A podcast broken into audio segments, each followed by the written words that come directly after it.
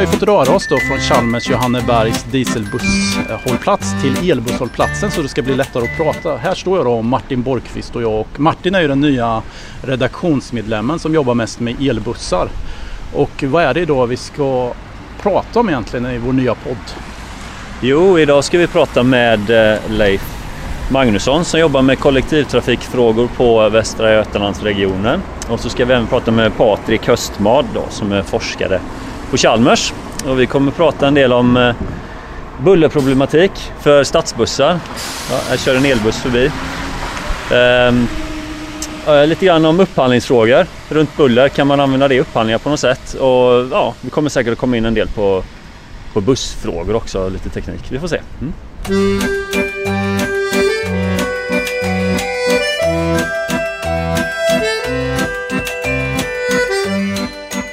Ja, då sitter vi här på Chalmers tillsammans med Leif från Västra Götalandsregionen och Patrik från Chalmers. Och vi ska prata lite grann om buller och stadsbussar. Har vi tänkt. Välkomna! Tack. Tackar! Det här med buller, hur stort problem är det egentligen med, för städer? Jo, men det är ju ett eh, stort problem och det finns ju försök till uppskattningar om samhällskostnader och påverkan på människor och hälsoeffekter och sådär. Det ligger väl eh, strax efter luftföroreningarna i samhällskostnader och hälsoeffekter på befolkningen i våra städer. Mm. Vad är det som liksom gör att det är ett, eh, vilken typ av hälsoeffekter är det som bullret bidrar till? Liksom? Ja, det är ju framförallt då eh, sömnstörning som är den stora grejen och så följdeffekter av det. det att man presterar sämre, att man får för hög stressnivå, att det leder till hjärt-kärlsjukdomar i förlängningen. Eh, men det finns ju också den direkta störningen helt enkelt att man upplever en minskad livskvalitet. Eh, det finns andra effekter också men det är väl egentligen de huvudsakliga. Mm. Hur är det liksom? Uh, uh. Inom kollektivtrafiken så ser vi ju att det är ju egentligen det enda miljöproblemet som vi får klagomål på. Och framförallt då i, i städerna att, eh, att, det, att det klagas på ibland att bussar bullrar, de går, accelererar ifrån hållplats och sådana här saker. Och det, det kan då vara väldigt störande och kan vara väldigt svårt också att veta exakt var den frågan landar och vem som ska ta ansvar för det. Mm. Är det mest de som bor i närheten av bussarna eller är det de som åker med bussarna? Som Nej, är... Det, är de, det är de som bor i närheten. Ja. Det, det, är sällan jag har sett att vi har fått eh, klagomål från de som reser. Däremot är det så att när de sedan åker i väldigt tysta bussar så om man gör undersökningar så tycker de att det är väldigt positivt att det är tyst. Okej. Okay. Mm. Ja, och man kan ju se på just klagomålen på bullerstörningar och så här att det är någonting som ökar över tid och det är fler som blir mer bullerutsatta. Mm. Eh, vi har ju förtätning av våra städer och vi har allt mer fordonstrafik. Mm. Ja, apropå sådana här samhällsekonomiska siffror för bullereffekter. Jag har sett att det finns rapporter som hävdar att det liksom är väldigt mycket dyrare för samhäll, rent samhällsekonomiskt med buller än med till exempel kväveoxider och andra avgaser. Då. Alltså hur, hur tillförlitliga är de här siffrorna, de här uppskattningarna som man gör? Ja det är ju grova uppskattningar och man får ju göra antaganden eh, och så här och eh, kanske en stor del i det hela är att man använder lite olika metoder för att uppskatta olika effekter. Och det är inte alltid lätt att göra jämförelsen. Eh, och Det är faktiskt någonting som vi tänker att titta vidare på om vi får finansiering framöver. Att helt enkelt få in också bullereffekterna i livscykelanalyser. Mm. Så det blir direkt jämförbart med andra miljöaspekter. Så det innebär att man ska liksom kunna värdera det gentemot andra miljöaspekter på ett mer rättvist sätt då än vad man gör nu? Eller? Ja, man har använt samma metodik och samma typ av mm. avvägande så långt man kan då inom samma typ av ramverk för att göra uppskattningarna. Mm. För det har ju gjorts en hel del uppskattningar men man får ju göra antaganden på vägen och det, mm. frågan är liksom hur relevanta är de när man nu ska börja jämföra olika effekter, inte bara buller och buller från olika fordon men faktiskt buller mot luftföroreningar eller buller mot eh, miljöaspekter i vår natur och så vidare. Mm. Eh, och då gäller det att man använder lite samma ramverk. Mm. Och från kollektivtrafikens sida så är vi väldigt intresserade av att kunna göra sådana värderingar. Vi har jobbat mycket med det genom åren med tidsvinster och med, med trafiksäkerhet och olika miljöeffekter. Och för det, det på något sätt kan ju motivera varför samhället ska gå in och betala för kollektivtrafiken går ju i allmänhet med, med ett underskott och då går ju samhället in och betalar för det på något sätt. Och där är det väldigt viktigt att, att vi får ett instrument också för att värdera buller. Och med de värderingar som har gjorts hittills så har man ju kunnat få ganska höga kilometerkostnader eh, för, för buller. Men då ska man samtidigt komma ihåg att det är ju i områden där väldigt många människor exponeras. Så man kan inte bara dra det rakt över en buss totala körsträcka utan det är ju i vissa miljöer då som det är extremt högt värderat. vad ställer ni för krav på de här metoderna för utvärdering? Liksom? För att ni ska kunna ta, ta hänsyn till det liksom i ert arbete? Ja, det har ju varit ett problem väldigt länge att den mätmetod som finns för lagkrav på bussar den är från 60-talet och den speglar inte alls dagens trafik. Och jag vet att det fanns en huvudman i Finland som för många år sedan ställde krav på, eh, lagkravet var då 80 decibel och jag tror man hade en standard på ungefär 77 decibel med den här mätmetoden, ett förbifartsprov i 50 km i timmen. Så ställde man ett krav på 75 decibel och man fick bussar som, som presterade 75 decibel men det blev inte tystare ute i trafiken. Men nu har då äntligen eh, EU kommit fram med ett, ett, en, en, ny mätmetod och ett, ett program för införande av olika faser. Så nu finns det eh, en metod som vi kan använda även om jag har förstått att den ändå inte är riktigt fullständig och tar inte hänsyn till alla, alla aspekter som vi skulle önska. Men det finns ett, ett regelverk att, att eh, förhålla sig till. För det är en sak vi tog fram inom kollektivtrafiken. Jag jobbar ju även för Svensk kollektivtrafik som branschorganisation för kollektivtrafiken i Sverige. Och eh, där tog vi fram tillsammans med Sveriges bussföretag en mätmetod. Vi lät en konsultfirma ta fram en, en ny mätmetod och eh, föreslog olika nivåer. Man mätte upp eh, bullernivån på olika bussar. Men då fick vi hela fordonsindustrin emot oss. För man sa att vi kan inte jobba med, med särkrav. Det kostar väldigt mycket för oss att säkerställa kvaliteten i de här bullernivåerna och så vidare. Och det gjorde att vi inledde ett samarbete med fordonsindustrin och väntade på de här EU-kraven e som kom väldigt mycket senare än väntat. Men, men, nu är de i alla fall äntligen här. Men särkrav i ett land som Sverige kan bli oerhört kostsamma. Just därför att man måste, man måste säkerställa kvaliteten i mätningarna och såna här homologiseringsprocesser och sådana här saker. Så man vill helt enkelt från industrins sida invänta de här nya EU-direktiven på buller? Ja, men de är redan ja. de är fastställda nu mm. och de kommer att börja gälla från 2016 om jag minns rätt. Okay. Eh, med mm. den, första, den första fasen. Men man kan säga så här att de bullerexperter som var med i det här arbetet eh, nu eh, och har presenterat det här det här standardiseringsarbetet som har gjorts. De säger att ungefär 20% av fordonen sorteras ut, utav dagens fordon sorteras ut när man inför fas 1. Vad är det för typ av fordon som man kan tänka sig kan komma? Ja, nu talar jag om bussar. Då ja. Alltså. Jo, ja. precis. Men vilken typ av busstekniker ser man framför sig ska premieras av de ja, här alltså, om, om man tar fas 1 så är det ju fortfarande traditionella dieselbussar så, så, som kan klara det här. Vi ser redan idag att det finns en ganska stor variation i bullernivå på olika bussar. Eh, om man inför fas 2-kraven så tror jag att ungefär 50% av dagens fordonsflotta, eller den, de nya fordonen som erbjuds, som sorteras ut. Och fas 3 där är det ungefär 80 eh, av dagens eh, erbjudna fordon som sorteras bort. Och det ska vi börja titta på nu under hösten här och se vilka, vilken typ av fordon är det, i vilken typ av trafik kan vi ha dem, är det stadsbussar? Mm. Men naturligtvis är det så att hybridbussar och elbussar ligger ju definitivt ännu lägre än vad fas 3 innebär. Okej, okay. men man kommer alltså kunna tänka sig att dagens eh, dieselbussar kommer att vad ska man säga, drabbas ganska hårt av de här kraven då? Jag tror inte att de kommer drabbas mm. så hemskt hårt utan det, det, blir att man helt plötsligt man får en ny norm att förhålla sig till och ja. den, den, man kan uppnå de, de bullernivåerna. Åtminstone ja. den här fas 1 som, som träder i kraft under 2016. Ja just det, men för fas 2 och 3 så kan man tänka sig att det blir svårare då? Det kan det bli och fas ja. 3 skulle vi nog förmodligen redan kunna ställa krav på i upphandlingar i stadstrafik där vi vet att det finns hybridlösningar som uppfyller den här. Okej. Okay. Mm. Hur eh, Annars hur är det liksom, vad, är, hur, vad gör man idag för att minska bullret från eh, till exempel trafik i, i städer?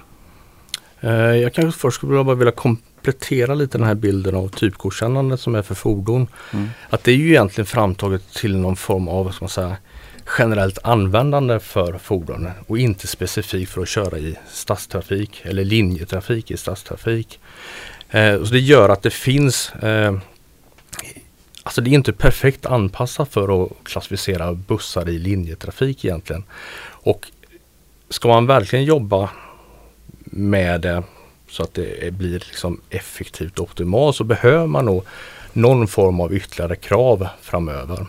Sen får vi se om, om bransch och myndigheter är intresserade av det. Men om man tittar från ett rent säga, vetenskapligt perspektiv eller samhällsperspektiv bara på själva tekniken så vore det nog det eh, någonting som skulle efterfrågas. Men Sen handlar det ju det här också om en konkurrenssituation. Alltså jag känner ju till fall där vi har en lågbullerprodukt eh, fast man vill inte ställa krav på det för det är bara en som kan leverera mm. den. Man måste liksom se att det finns konkurrens fortfarande och att det är många som på banan och kan leverera det här. Eh, och en annan sak är att i det här typgodkännandet så tittar man på utomhusbullernivåer. Mm. Medan det är, som jag pratar om, störning är framförallt inomhus sömnstörning. Mm. Och där har vi fasader och fönster som gör att det blir en lite dålig korrelation mellan vad som händer utomhus och vad som händer inomhus. Mm. Förenklat kan man säga att utomhus är det högre frekvenser som dominerar knackandet från dieseln och så här. Mm. Och inomhus är det ett lågfrekvent mullrande ifrån de motorordningarna. Eh, Men det är fortfarande motorljudet då som hörs inomhus? Framförallt eh, mm. nattetid i stadstrafik så är det framförallt motorljudet och det är liksom frekvensen på motorn mm. eh, som man hör.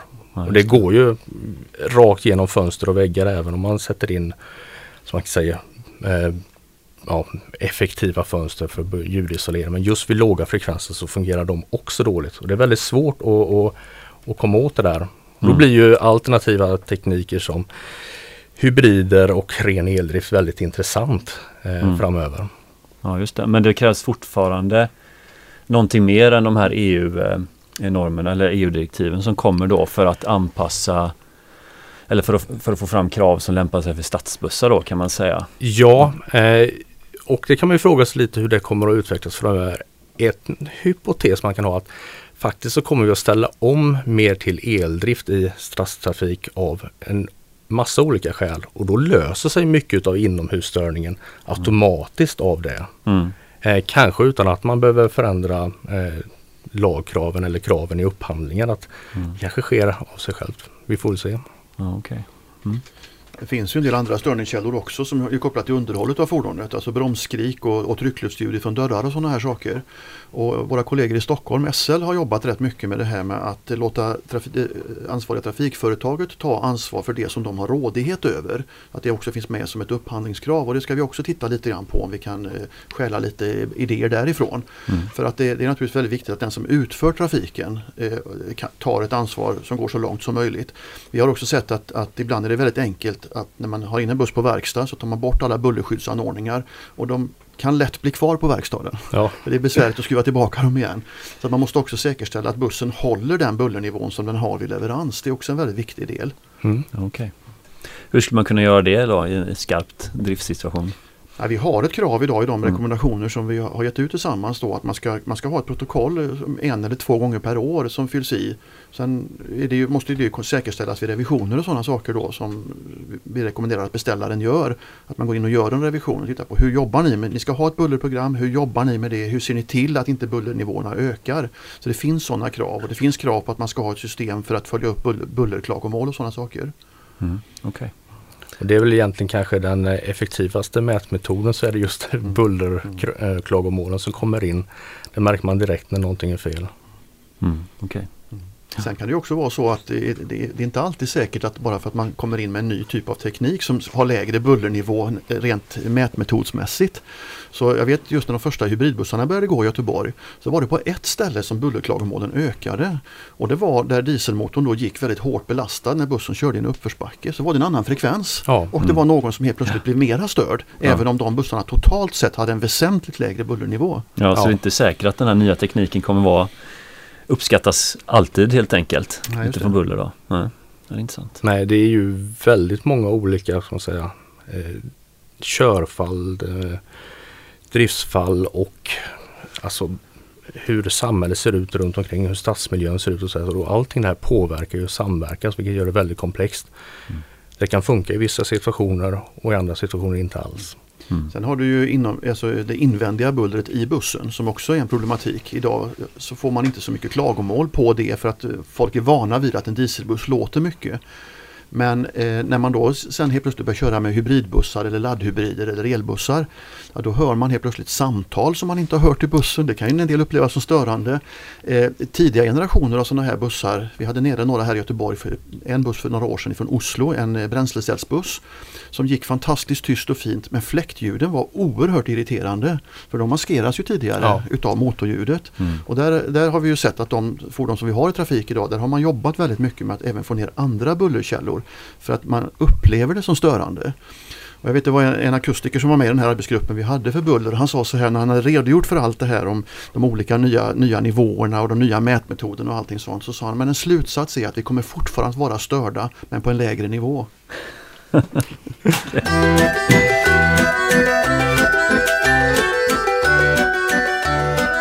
Ja, vi har pratat lite grann om buller nu och vi har berört det här med upphandling och om buller kan komma in i det. Men eh, hur fungerar det egentligen när man upphandlar stadsbusstrafik? Jag, jag, redovisar, jag representerar då eh, myndigheten. Det ska ju finnas en regional kollektivtrafikmyndighet i, var, i varje län numera. Och i vårat län då i Västra Götaland så är det myndigheten som då äger Västtrafik och ger Västtrafik i uppdrag att handla upp trafiken. Och Västtrafik går ut med sitt förfrågningsunderlag med krav på kvalitet och Eh, vilken trafik man ska kunna, kunna producera och så vidare och även miljökraven då. Och I det uppdrag som de får av oss så har ju vi eh, mål för miljöprestanda, hur mycket man ska minska koldioxidutsläpp och sådana saker. Och då är det upp till Västtrafik att själva välja hur de vill uppnå de målen. Och eftersom Västtrafik jobbar väldigt mycket med det här branschgemensamma materialet med de här rekommendationerna och avtalsbilagorna så försöker man att i möjligaste mån ha funktionskrav och inte teknikkrav.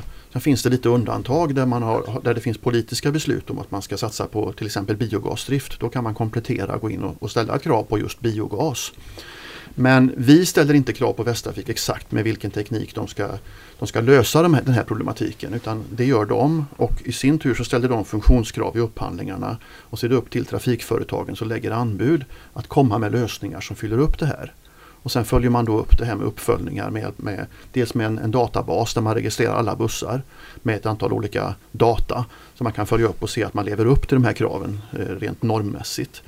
Och sen så gör man då revisioner på plats hos, hos trafikföretagen. Hur skulle man kunna få in bullerfrågan i eh, upphandlingar? Då? Det, det, ska vi jobba med nu under hösten eftersom vi nu har fått det här regelverket på plats inom EU. Så vi ska, I första hand tänkte vi att vi ska försöka hitta ett sätt att förhålla oss till det regelverket. Och, och också bedöma vilka konsekvenser det får om vi ställer krav på fas 2, mm. fas 3 och så vidare. Så kommer det finnas en prislapp på det. Men sen måste vi gå lite längre då och jobba även med andra delar. Och vill vi ha absolut tyst stadstrafik med det, det senaste som finns idag. Då är nog min bedömning att vi i dagsläget måste ställa teknikkrav. Och det har ytterligare en anledning. Då det är ju att vi, för vi talar ju egentligen om elektriska bussar då, att vi på något sätt måste ta ansvar för infrastrukturen och hur de ska försörjas med, med elenergi. Mm. Och därför så eh, är det också en sån sak som vi måste se över nu. Hur ska vi förhålla oss till detta? Detta börjar likna lite mera spårvagnstrafik. Det är svårt att handla upp trafik med spårvagn om man inte har spår och ledningar. Och någonstans däremellan kanske, kanske e- elbusstrafik kommer att hamna. Beroende lite grann på vilka lösningar man, man, väljer med hur mycket batteri man ska ha med sig ombord och sådana saker.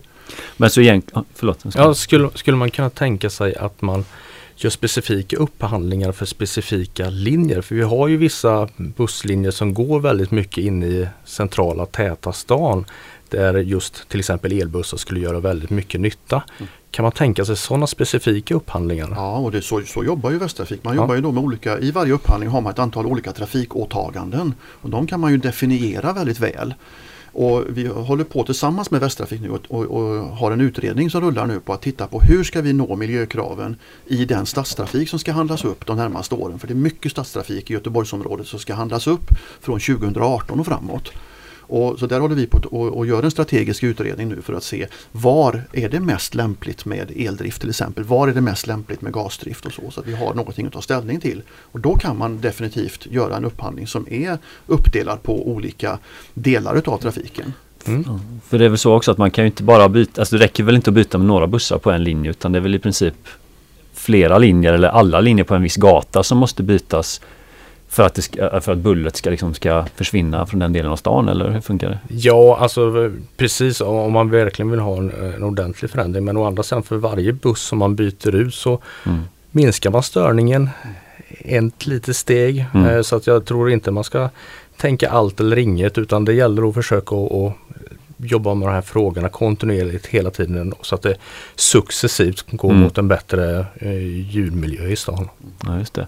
Vi var inne på det här med timing förut också när vi pratade om att eh, alltså, eh, när är det läge att ställa de här eh, nya bullerkraven på eh, i upphandlingar så att säga. Alltså när, när tror ni att situation, alltså när det är tillräckligt många leverantörer av bussar med så att vi kan börja ställa sådana krav då?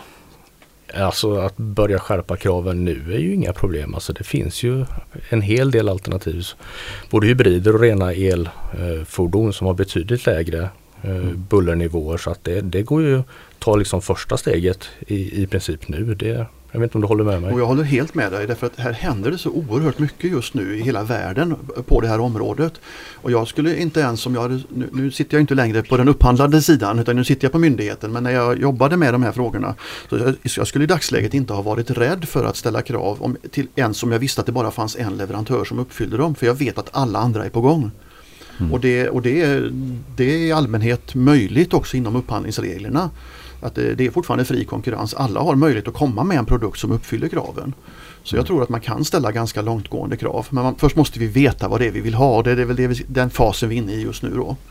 Okay. Ja, och man kan ju säga också att tittar man på den svenska fordonsindustrin så är de ju väldigt väl rustade mm. för att mm. vara med i den här konkurrensen om man tänker nationellt också. Mm. Det får ju dock inte vi ta hänsyn till utan det, vi måste ju ha helt konkurrensneutrala krav där. Va? Ja. Mm. Hur jobbar de andra städerna i Sverige med den här frågan? Vet ni Stockholm jobbar väldigt mycket på ett liknande sätt som vi. Vi hade ju den här hyperbusslinjen som gick här nu. Det var ju demobussar som gick på linje 60 mellan ordinarie avgångar för att demonstrera laddhybridtekniken. Och eh, vidareutvecklingen utav dem har ju nu Stockholms stad, eller inte Stockholms stad utan Stockholms läns landsting, trafikförvaltningen har, har eh, satt in dem i sin ESLs trafik nu. Eh, jag tror att de har 11 bussar eller någonting. Ja det är linje 73. Ja, ja precis, som mm. går från Ropsten till Just Karolinska.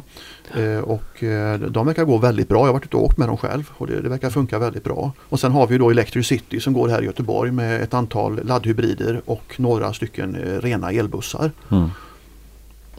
Sen vet jag att även i Skånetrafiken tittar man mycket. Man har några gaselhybrider som går och man, även där är man intresserad av att jobba med elektrifiering. Så det händer rätt mycket på olika ställen. Karlstad har några bussar som går helt på el. Mm. Några mindre stadsbussar som går där, ja. servicelinjer. Ja, och Umeå har väl också och en hel del Umeå ligger ju väldigt långt mm. fram, det ska ju sägas. De har ju kört en flygbuss nu under några år.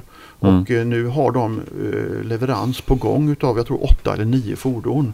Och den upphandling som man nu gjorde i Västerbotten, den eh, där har man då ställt krav på att från 2018 så ska en väldigt stor del av stadstrafiken i, eh, i Umeå utföras med elfordon som Umeå stad eller om det möjligen är länstrafiken köper in och tillhandahåller till entreprenören. Men upphandlingen som blev klar här nu i somras eh, föreskriver då att man ska köra en väldigt stor andel på rena elfordon. Så där, kom, där händer det väldigt mycket just nu. Så där har man ställt rena teknikkrav kan man säga i den upphandlingen? Ja, de har gjort. Mm, okay. Ja, att man tillhandahåller fordonen då. Så att ja, där har ju då beställaren mm. gått in jag minns nu inte om det, är, om det är Umeå stad eller om det är länstrafikbolaget men de, de jobbar ju tillsammans och de tillhandahåller de här fordonen. Så mm. de ägs inte utav eh, trafikföretaget. Mm. Vi var inne lite grann på det här förut med inomhusbuller och utomhusbuller och sådär och hur man bygger. Hur, alltså vilka möjligheter finns det för stadsplanering och stadsbyggnad om man kan tänka sig att man har en kollektivtrafik som är väldigt tyst? Ja, det liksom ökar ju byggbarheten och det är ju idag då nattetid och sömnstörningen och de kraven som finns på buller så är det ju framförallt den tunga trafiken som styr det. Och har du en busslinje med dieselfordon eh, så är det den som är dimensionerande för de nattliga störningarna. Så det är, är, är, många ställen där det blir enklare och billigare att bygga om man nu skulle få ner bullernivåerna från kollektivtrafiken. Och går vi över till eldrift så är, ja, då öppnar ju sig väldigt intressanta möjligheter. Mm. Vad skulle det kunna vara till exempel? Ja, alltså det handlar ju om att man kan bygga mycket tätare eh, stadsmiljöer och ändå ha kapacitetsstark kollektivtrafik. Man behöver inte hänvisa ur bullerperspektiv då eh, linjerna till huvudgator eller leder utan man kan faktiskt ta in dem i områden. Sen finns det ju säkerhetsaspekter och trafikflödesaspekter och sånt här också att ta hänsyn till. Men rent bullermässigt då så kan man helt plötsligt börja tänka på helt andra sätt. Mm. Och man har ju gjort sådana tester till exempel i Kyrkbyn att man börjar köra in busslinjen vid Kyrkbytorget istället för att, att den stannar utanför på huvudgatan eh, utanför området. Då. Mm. Och det kortar ju också avstånd och eh, gör kanske kollektivtrafiken mer attraktiv. För den kommer närmare där folk bor. Mm.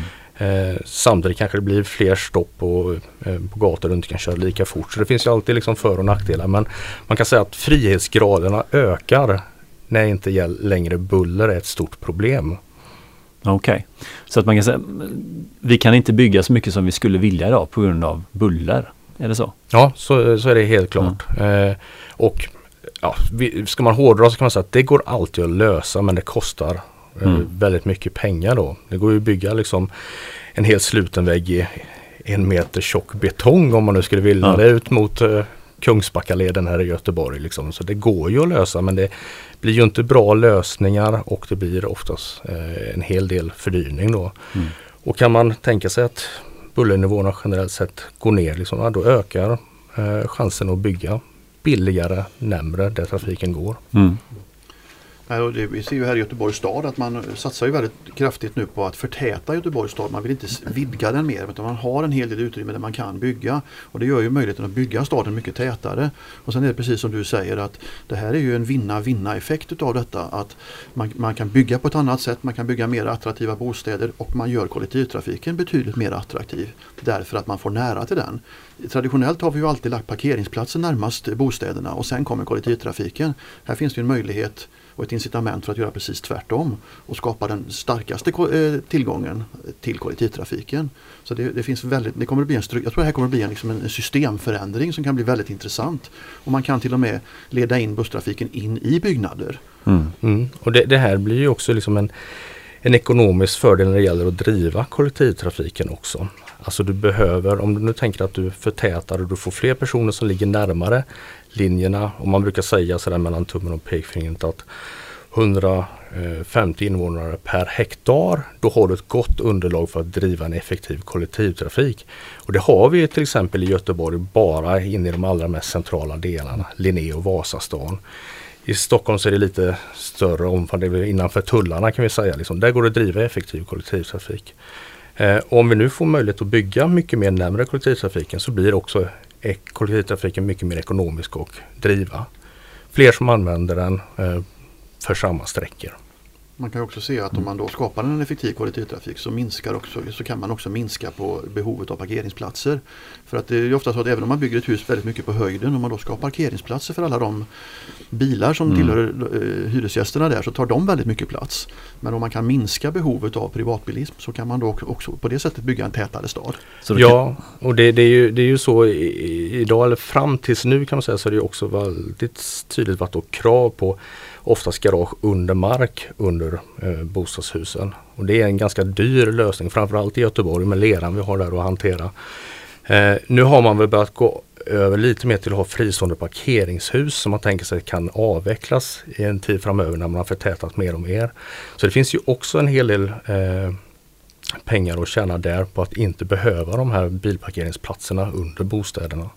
Ja just det, och det styrs väl ganska mycket av den här P-normen då, alltså hur många parkeringsplatser man ska ha per lägenhet när man bygger nya eh, bostadsområden. Till. Ja. ja. Får, får, man lov att göra, sänka den då om man har bra kollektivtrafik? Ja det får man och det alltså Göteborg har under lång tid haft en ganska, de har i princip kan säga avskaffat vad de kallar för parkeringsnorm och är infört istället ett parkeringstal som är mycket mer flexibelt då. Man går väl ner till, kan det vara 0,3 bilar eller bilparkeringsplatser per bostad inne i centrala Göteborg. Eh, man kan dra lite till tror jag på grund av kollektiv, nära till kollektivtrafik.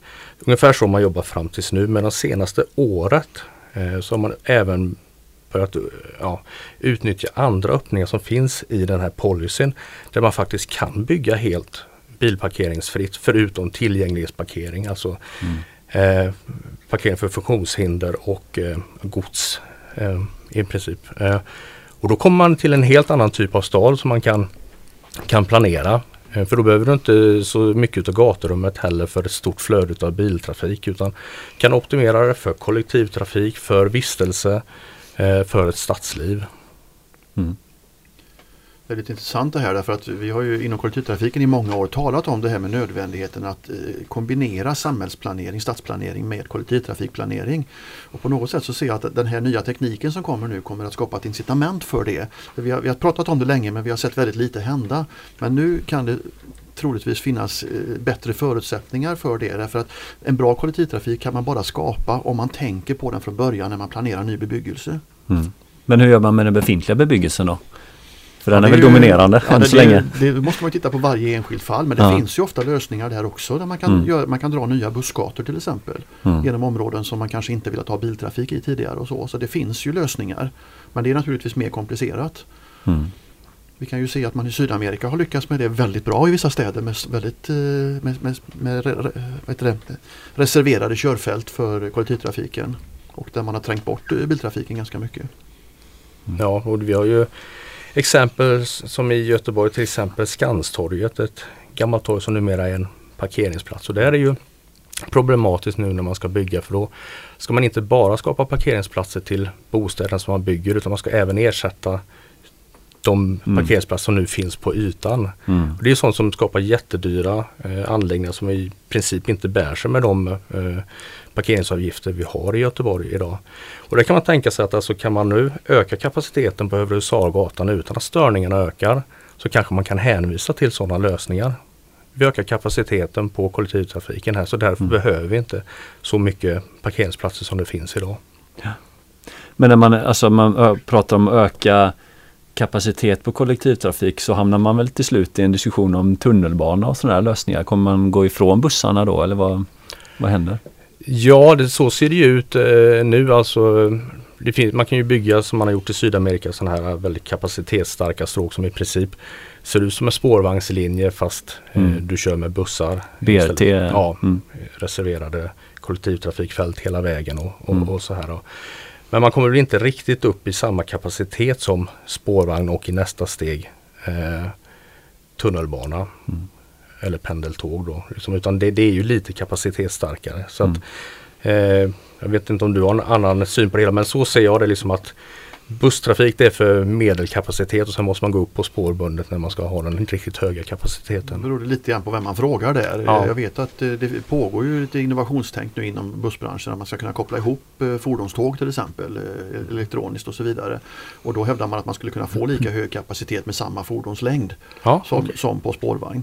Men naturligtvis tunnelbana är ju svårslaget. Mm. Men jag vet att i Curitiba i Nej, förlåt, ja, eh, även i Curitiba men även i Colombia, i Bogotá så har man några sådana här BRT-stråk och eh, där uppgav man att man hade en kapacitet på 48 000 resenärer i timmen längs med stråket. Det var inte per, per station då. Eh, för att då måste en del bussar passera om man ska få den kapaciteten men de har oerhört hög kapacitet. Och där pågår nu, där gör eh, Västra Götalandsregionen Västtrafik, Göteborgs stad, Mölndal och Partille kommuner gör, håller på med en studie som handlar om stomnäten i Göteborg och eh, en, en målbild för stomnätstrafiken. Och där tittar man just på den här problematiken. Var har vi kap stort kapacitetsbehov och vilka, vilka typer av system behöver vi ha där? Så det där är under översyn just nu, också inför framtida upphandlingar. Vi sitter inte riktigt med facit men det har kommit ganska långt på väg den studien och där tittar man på BRT, på spårvagnssystem som det ser ut idag, på längre spårvagnar. Man har haft ett begrepp som kallas för stadsbana som man inte riktigt vet vad det är, om det är en elevated mm. eller om den är mm. nedgrävd eller vad det kan vara för någonting.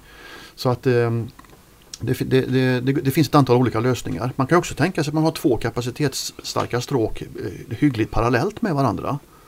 För de, de, du får ändå bra mycket högre kapacitet i ett stråk om du kör den trafiken med buss än om du kör den med personbil. Mm. Ja visst och det blir ju en viss redundans också. Ja.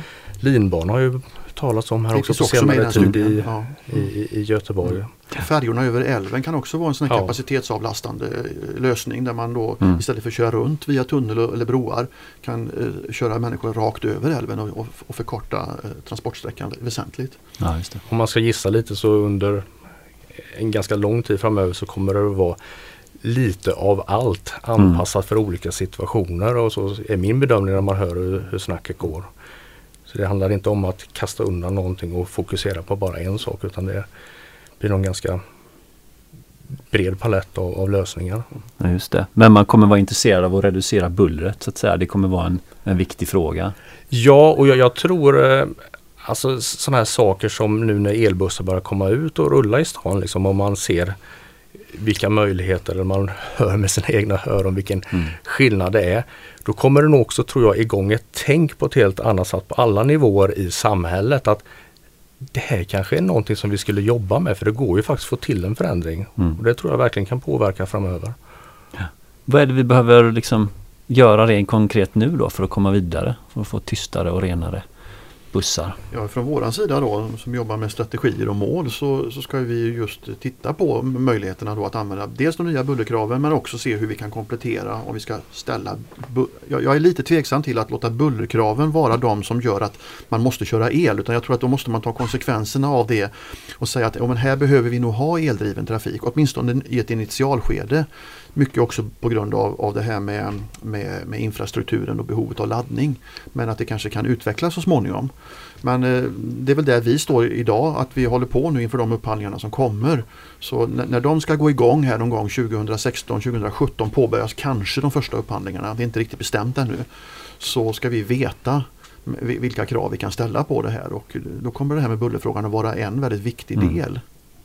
Okay. Men exakt hur den ska lösas det kan jag inte säga på förhand. Men som sagt, eh, krav på fordon ja, men förmodligen behöver vi gå längre och då tror jag att det i ett första skede snarare blir krav på en viss teknik i, mm. hur trafiken ska utföras. Mm. Men det, jag kan inte säga det säkert ännu. Nej, jag förstår det.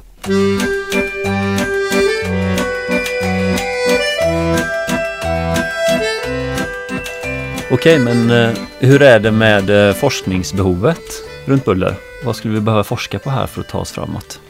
Om jag börjar då som inte har forskningsperspektivet själv utan bara ser ett behov så tror jag det här som Patrik nämnde i början med att, ut, att, ehm, att, att, eh, värdera samhällsnytta det tycker vi är väldigt intressant och att, det behöver vi gå vidare och kvantifiera mera fler faktorer, bland annat buller och göra det på ett, på ett eh, sätt som gör att vi kan göra beräkningar på detta. Eh, och sen så ser jag också det här att normer för mätning av buller tror jag också är, är bra om det kan utvecklas utöver det som har kommit med de nya EU-normerna. Det, det, är väl de behoven jag ser just nu. Mm. Jo men det är som sagt just det där att kunna värdera bullret på ett likvärdigt sätt som man värderar andra saker som eh, ja, miljöpåverkan och, och tillväxtfaktorer och, och, sånt där också är, är, är, väldigt intressant. att få in det i samma ramverk så att det blir jämförbart. Vilket ju också ger eh, ja, de som sysslar med upphandlingar och, och beställningar så här liksom ytterligare argument för att ställa krav. Jag menar, det går ju att ställa ett bullerkrav, liksom, men vad tjänar vi på det? Eller är det mm. ekonomiskt försvarbart om det visar sig att det i vissa delar blir en merkostnad eller, eller blir det inte en merkostnad och så vidare. Så det är väldigt intressant. Sen ser väl jag också att, att det behövs mer tänk kring, om vi nu tänker så att bullernivåerna generellt kan gå ner i samhället, liksom, hur kan vi utnyttja det här på ett sätt för att ha en effektivare samhällsplanering.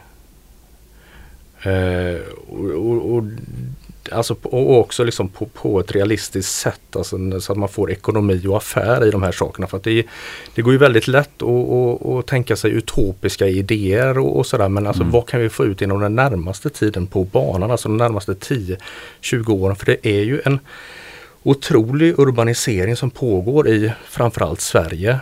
Eh, både i Malmö, Göteborg och Stockholm så är det ju väldigt många som flyttar in och väldigt mycket bostäder och stadsmiljö som ska skapas den närmsta tiden. Mm. Och där vore det intressant att så fort som möjligt få in de här eh, grejerna i den samhällsplaneringen.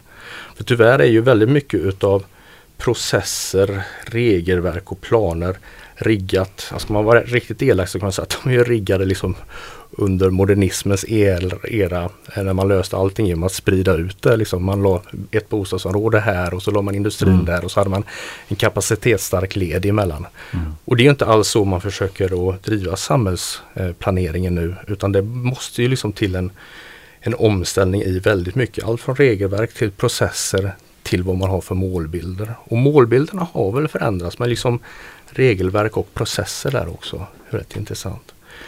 Sen en tredje sak som kopplat till mitt område som jag också skulle, skulle vara väldigt intressant och det är ju att alltså nu, nu när vi eh, inför elfordonen så är det ju i en miljö där det finns väldigt mycket fordon med förbränningsmotorer. Så det blir ju en väldigt markant skillnad, sänkning i, i ljudmiljö och, och, så vidare. Men om vi tänker oss framöver att vi har att i princip majoriteten av fordonen i fordonsflottan är elfordon. Och vi har ett ljud som består väldigt mycket utav högfrekventa komponenter. Vinande, gnisslande, tjutande, inte speciellt höga nivåer men de är där och som påminner kanske om en mygga eller ett bi eller en humla. Liksom. Vad är det för typ av ljudmiljö som det kommer att bli i städerna och hur kommer vi att bedöma den? Mm. Kommer vi känna att det här är, liksom, det är så lågt så det är inga problem eller kommer det vara liksom som att vi hade en liten mygga kring örat ja. som känns störande? Det vet vi inte idag men jag tycker det är en väldigt intressant frågeställning om man ska titta lite längre bort. Just det. Vilka ljud trivs vi med liksom i stan? Liksom? Hur, vill vi ha det helt tyst eller vill vi, vänjer vi oss liksom vid ja. de nya ljuden på något sätt? Liksom? Mm. Ja. Mm. Okej, okay, men man kanske kan sammanfatta det med att eh, eh, tystare kollektivtrafik ger väldigt mycket möjligheter och det är de vi ska fokusera på. Vad innebär, alltså hur tar vi tillvara möjligheterna utan att bli för utopiska då? Helt enkelt. Ja. ja tack så mycket för att ni kunde vara med. Tack. Tackar.